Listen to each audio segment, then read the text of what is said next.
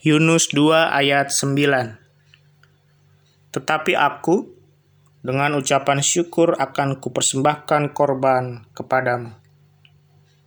Apa yang kunazarkan akan kubayar, keselamatan adalah dari Tuhan. Shalom Bapak Ibu terkasih dalam Tuhan Yesus Kristus. Pernah berada di perut ikan? Biasanya sih ikan yang ada di perut kita Mazmur Yunus atau LAI memberi judul Doa Ucapan Syukur Yunus yang ada di kitab Yunus pasal 2 sangat menarik karena diucapkan Yunus ketika dia berada di perut ikan besar. Bayangkan di dalam perut ikan besar Yunus masih sanggup menaikkan doa ucapan syukur.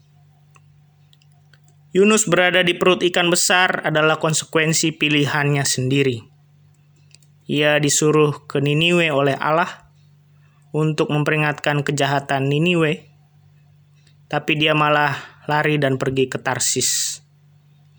Niniwe letaknya di timur, malah dia ke Tarsis di barat. Ini artinya Yunus mencoba lari dari pandangan Allah. Bahkan dikatakan dia sengaja tidur di tempat tersembunyi di ruang kapal yang paling bawah. Dia menanggung konsekuensi pilihan hidupnya itu. Sekarang dia dilempar ke laut oleh para awak kapal. Karena mereka takut akan badai besar yang menerpa kapal. Mereka anggap badai itu terjadi karena Yunus telah berdosa besar kepada Allahnya. Dan Tuhan membiarkan Yunus berada di perut ikan besar. Gelap, sunyi, ngeri, takut. Rasanya itu yang mungkin dirasakan Yunus di perut ikan besar. Terlihat dari ratapan Yunus di Yunus 2 ayat 3 sampai 6. Mary Oliver mengatakan bahwa seseorang yang dia kasihi satu kali memberikan kepadanya sebuah kotak hadiah yang isinya kosong, hanya penuh kegelapan.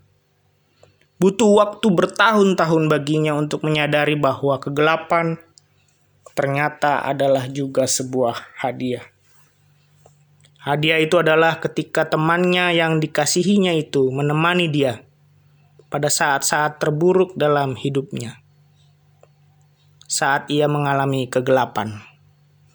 Dan itu disimbolkan dengan kotak kosong yang hanya berisi kegelapan. Jangan-jangan kegelapan yang dialami Yunus di dalam perut ikan adalah hadiah dari Tuhan. Bentuk penyertaan Tuhan kepada Yunus.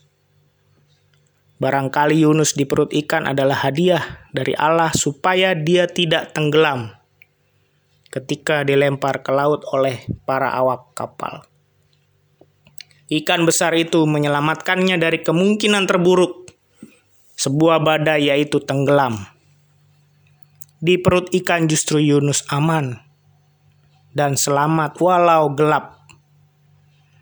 Kegelapan yang dialami Yunus di perut ikan adalah kesempatan kedua bagi Yunus untuk bertobat dan mau pergi ke Niniwe, mengerjakan tugas dari Allah. Itu sebabnya Yunus mengatakan, "Keselamatan adalah dari Tuhan." Tanpa kita sadari, bukan hanya Yunus yang berada dalam kegelapan, Jangan-jangan kita juga mengalami gelap, sunyi, ngeri, takut dalam situasi dan kondisi belakangan ini di tengah pandemi corona yang sedang berlangsung. Ancaman PHK, omset penjualan yang turun, perusahaan yang terancam bangkrut, pemotongan gaji, kredit macet di bank, kecemasan akan kesehatan kita. Gelap karena stres. Susah membagi waktu antara kerja dan mengajar anak ketika harus work from home dan school from home. Atau gelap cemas akan new normal. Apa yang harus dihadapi ke depannya nanti? Atau bahkan kegelapan yang kita alami karena kita sedang menanggung konsekuensi buruk dari pilihan kita sendiri. Seperti Yunus yang menanggung konsekuensi dari pilihan buruknya. Jangan-jangan kita juga berada dalam cengkraman kegelapan karena konsekuensi buruk pilihan kita. Gelap, sunyi, ngeri, dan takut. Tapi Yunus di perut ikan mengutarakan doksologinya, sebuah pujian yang berasal dari iman. Pada ayat 9 pasal 2 kitab Yunus tadi, keselamatan adalah dari Tuhan, bukan dari yang lain bukan dari awak kapal yang seharusnya solider, yang seharusnya tolong-menolong kerjasama dengan Yunus berjuang agar keluar dari badai. Bukan dari berhala kesia-siaan materi yang melimpah, tapi dari Tuhanlah datang keselamatan itu. Yunus sadar betul dia bersalah. Kitab Yunus pasal 4 ayat 2 ia mengatakan, aku telah terusir dari matamu. Masih mungkinkah aku memandang baitmu yang kudus? Masih mungkinkah Tuhan kami memandang cahaya ketika kami berada dalam kegelapan? Ketika himpitan keadaan situasi menghimpit kami. Yunus mengungkapkan imannya dengan indah keselamatan adalah dari Tuhan. Tuhan yang menyelamatkan. Memberi kesempatan kedua bagi Yunus, memberi kehidupan juga bagi kita untuk diisi dengan karya pertobatan kita. Bisa saja kegelapan yang kita alami sekarang di tengah situasi sedemikian rupa ini justru adalah kesempatan kedua dari Tuhan. Seperti kata Mary Oliver tadi, jangan-jangan kegelapan adalah hadiah.